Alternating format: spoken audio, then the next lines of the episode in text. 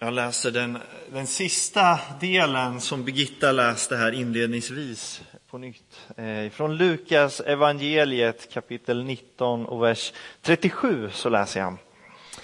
Då han närmade sig staden och var på väg ner från Olivberget började hela skaran av lärjungar i sin glädje ljudligt prisa Gud för alla de underverk de hade sett. Välsignade han som kommer Konungen i Herrens namn. Fred i himlen och ära i höjden. Några fariseer i folkmassan sa då till honom. Mästare, säg åt dina lärjungar att sluta. Han svarade, jag säger er att om de tiger så kommer stenarna att ropa. Men när han kom närmare och såg staden så började han gråta över den och sa om du denna dag hade förstått, också du, vad som ger dig fred, men nu är det fördolt för dig. Det ska komma en tid då du får se dina fiender bygga vallar runt dig och omringa dig och ansätta dig från alla håll. De ska slå dig och ditt folk till marken och de ska inte lämna sten på sten eftersom du inte förstod att tiden var inne för Guds besök.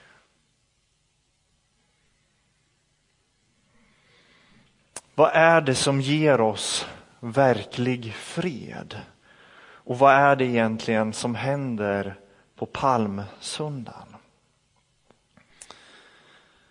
Jesus han rider in i Jerusalem efter att ha varit verksam i tre år. Och han har berättat om Guds rike med kraft bakom orden. Och många i Israel tror att Jesus är Messias. Men frågan är, vilken Messias tror folket att Jesus är? Folket förväntar sig att fredsfursten ska rida in i Jerusalem. Och Jesus är fredsfursten, men kanske inte den fredsfurste som folket hade väntat sig.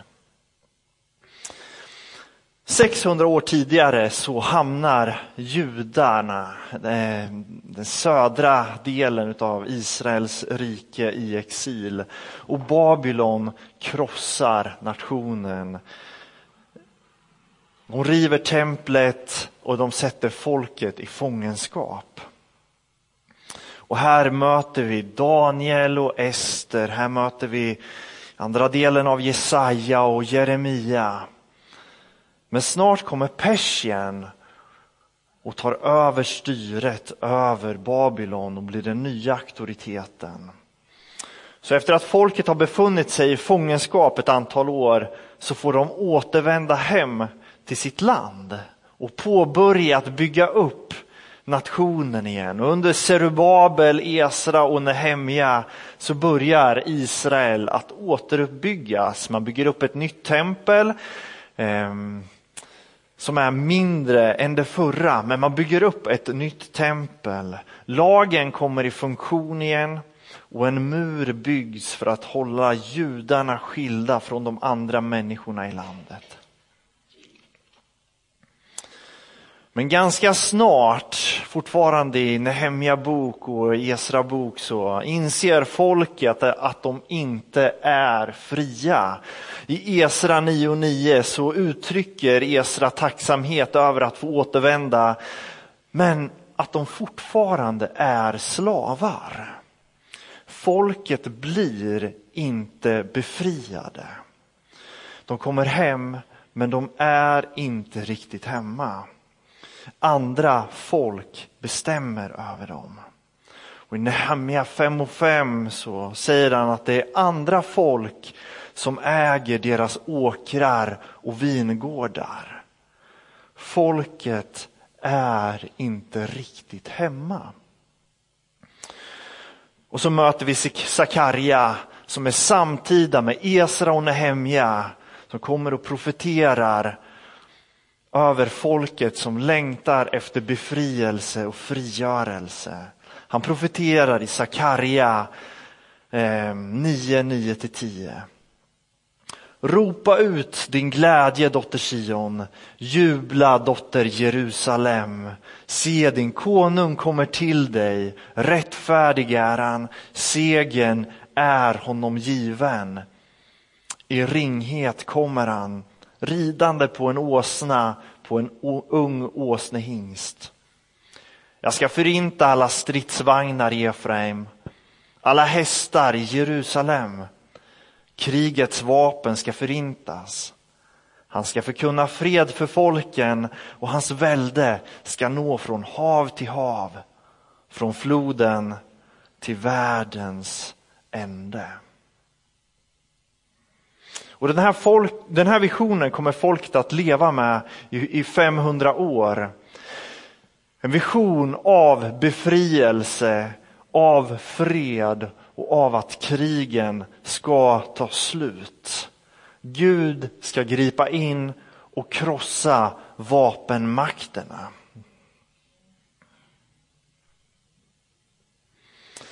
Hur förstår man den här texten? Hur förstår Israels folk den här texten? Som en ockuperad och förtryckt nation. Hatad, utnyttjad. Ett folk som inte respekteras. Hur förstår man de här texterna? Gud ska gripa in. Gud ska krossa de som har krossat oss. Och så ser vi i Juda historia när man fortsätter att läsa. Man fortsätter att läsa in i apokryferna, de här texterna mellan gamla och nya testamentet som ofta finns i Bibel 2000, Makaberböckerna till exempel. Så ser man hur Messias gestalter framträder för att befria Juda från grekerna är det då. Eh, Babylon blir Persien som blir eh, Makedonien, Grekland och som till slut blir Rom som är den förtryckande nationen. Makabeerna gör uppror för att med svärd infria löftena, upprätta fredsriket. Men de faller till slut själva för svärdet. Och andra Messias gestalter framträder men ingen lyckas fördriva romarna, den här ockupationsmakten som håller nationen i sin grepp vid tiden för Jesus. Och så kommer Jesus ridandes på en åsna. Äntligen kommer han som ska driva ut romarna. Och man tar emot honom som en kung med palmblad och man lägger sina klädnader framför honom. Och andra hatar honom. Det kan inte vara han som är Messias eftersom han bryter mot Torah. Han bryter mot den gamla testamentliga lagen som fariseerna uppfattar eh, lagen. Jesus kommer ridandes på åsnan, precis som i Sakarja profetia.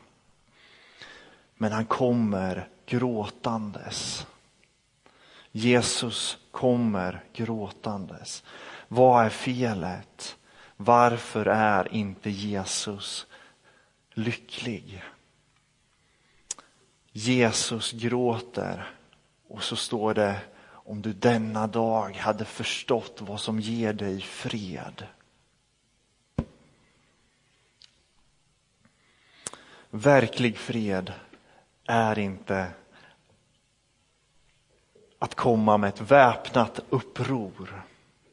Verklig fred är att vända andra kinden till.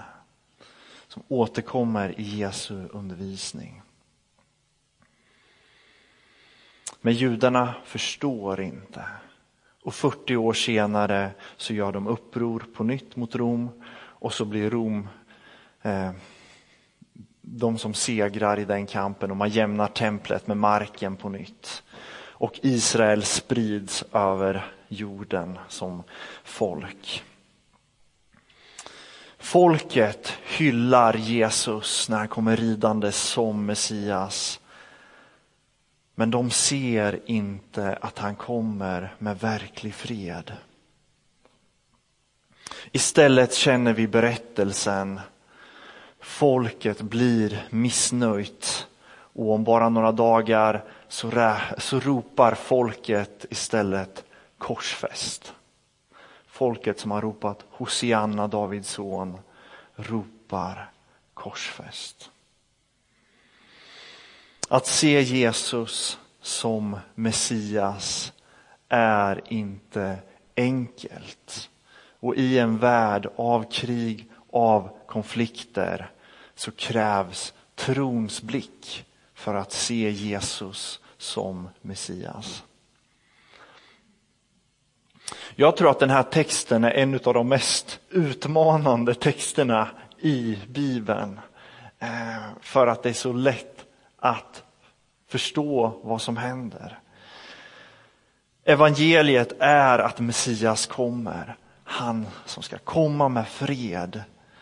Men han kommer gråtandes för att han vet att människorna inte förstår vad som ger henne fred.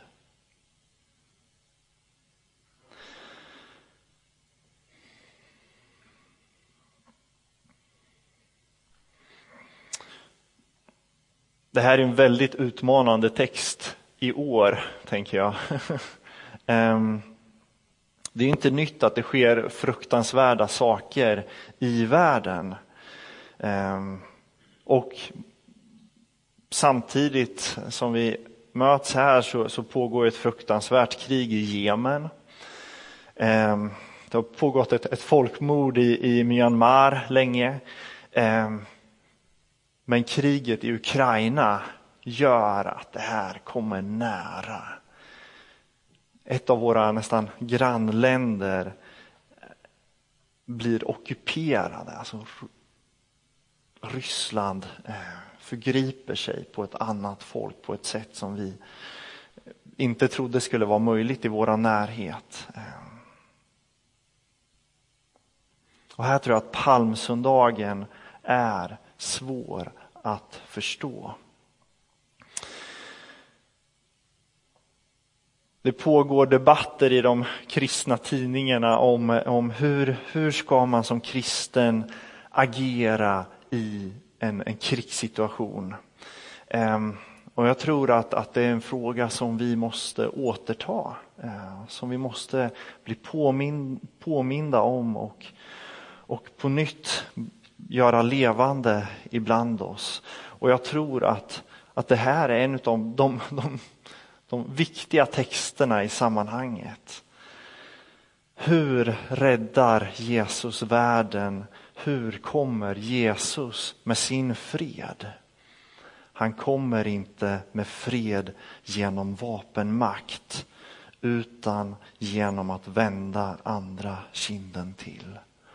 Han kommer gråtandes in i Jerusalem eftersom de som längtar efter fred inte känner igen freden när han står mitt framför dem. Och frågan till oss, till mig är, känner jag igen Jesus? Känner du igen Messias när han rider in som fredsfursten. Jesaja profeterar om Jesus i Jesaja 50-57. När Herren Gud öppnade mina ögon, när Herren Gud öppnade mina öron gjorde jag inte motstånd, drog mig inte undan. Jag lät dem prygla min rygg och slita mig i skägget. Jag gömde inte ansiktet när de skymfade mig och spottade på mig. Herren Gud hjälper mig. Därför känner jag inte skymfen. Därför gör jag mitt ansikte hårt som flinta. Jag vet att jag inte blir sviken. Jesus rider in när det finns en förväntan i staden på vad hans, hans eh, ingång i staden innebär.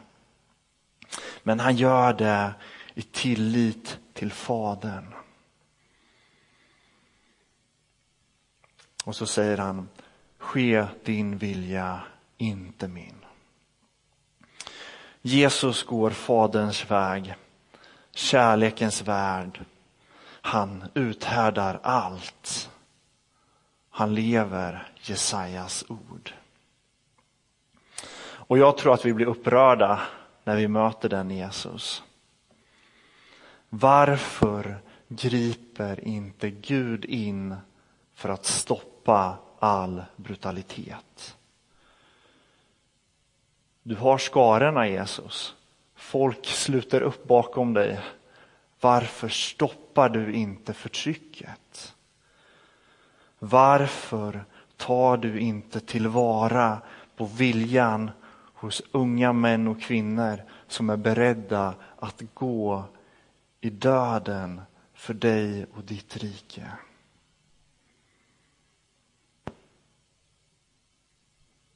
Jo, ni ska få dricka den bägare jag har, som är mig given. Ehm, lärjungarna ska få gå i döden för Guds rike.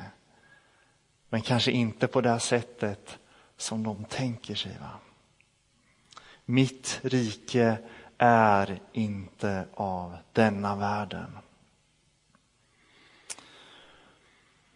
När Jesus kommer ridande så känner vi frustration över att ondskan inte utplånas direkt.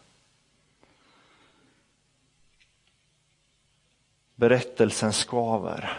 Varför agerar inte Gud kraftigare mot ondskan? Men jag vet också att jag är ond.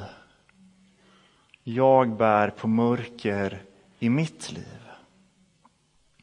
Och om Jesus rycker upp ogräset ur åken så följer skörden med. Om Jesus utplånar all ondska så blir inte heller jag kvar.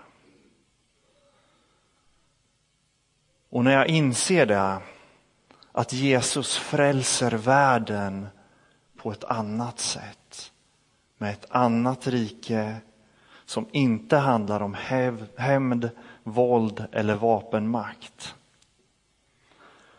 Så är det otroligt utmanande. Men jag vill ändå stämma upp i kören som ropar Hosianna, Davids son. Psalm 118, 19-29. Öppna för mig rättfärdighetens portar. Jag vill gå in och tacka Herren. Här är Herrens port. Här får hans trogna gå in. Jag tackar dig för att du hörde min bön och blev min räddning. Stenen som husbyggarna ratade har blivit en hörnsten. Detta är Herrens eget verk. Det står för våra ögon som ett under. Detta är dagen då Herren grep in. Låt oss jubla och vara glada. Herre, hjälp oss. Herre, ge oss framgång. Välsigna den som kommer i Herrens namn. Vi välsignar det från Herrens hus. Herren är Gud, han gav oss ljus. Ordna er till procession med kvistar i händerna ända till altarets horn. Du är min Gud, jag vill tacka dig, min Gud, jag vill höja ditt lov. Tacka Herren, ty han är god. Evigt varar hans nåd.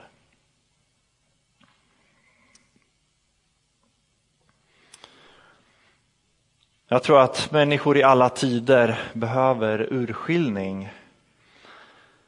Jag tror att människor såg Jesus men att de flesta såg utan att se. Och jag tror att samma sak gäller för oss. När Jesus rider in i Jerusalem så behöver vi trons blick. Att följa han som rider in i Jerusalem för att besegra mak makterna. Det kräver trons blick. Han segrar genom att vandra kärlekens väg, genom att vända andra kinden till och genom att ge sitt liv. Det utmanar oss. Och bara om vi tittar i vår egen tradition eh, så infördes den vapenfria tjänsten i Sverige på 20-talet. Och anledningen till att man införde den vapenfria tjänsten i Sverige var för att de frikyrkliga vägrade bära vapen. Man var tvungen att hitta en lösning på det. För att de frikyrkliga menade att vapen kan aldrig bringa verklig fred. Känner vi igen Messias när han kommer ridandes på en åsna?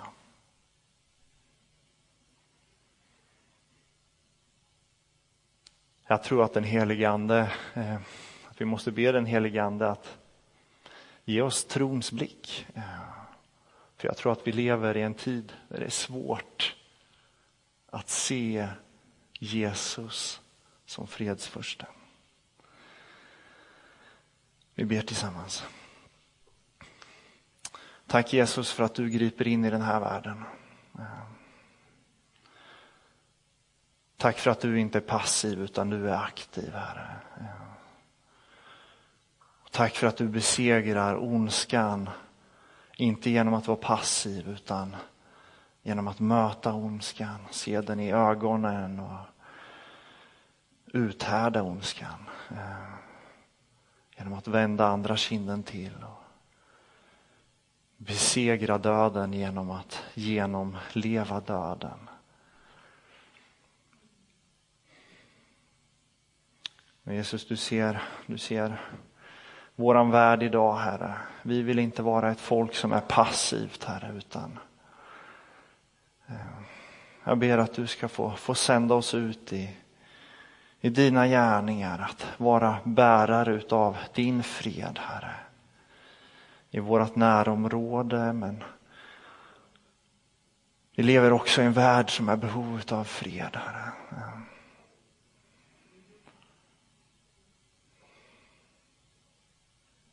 Jag ber att vi ska få trons blick. Att se vad som ger oss verklig fred. För vi tror att du är fredsfursten. Och vi ber att du ska få rida in i din gemenskap och rida in i den här världen.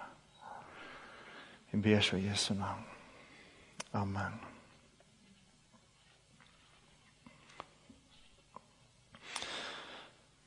Och jag kan också säga att jag tror att, eh, att, att eh, man, kan, man kan uppfatta det här med, med, hur man ska förhålla sig till de här frågorna på olika sätt. Så jag vill verkligen inte säga att så här är det och sen så får man inte säga emot. Jag tror att det är viktigt att vi brottas med de här frågorna. Eh, att vi får känna att man, man tänker olika.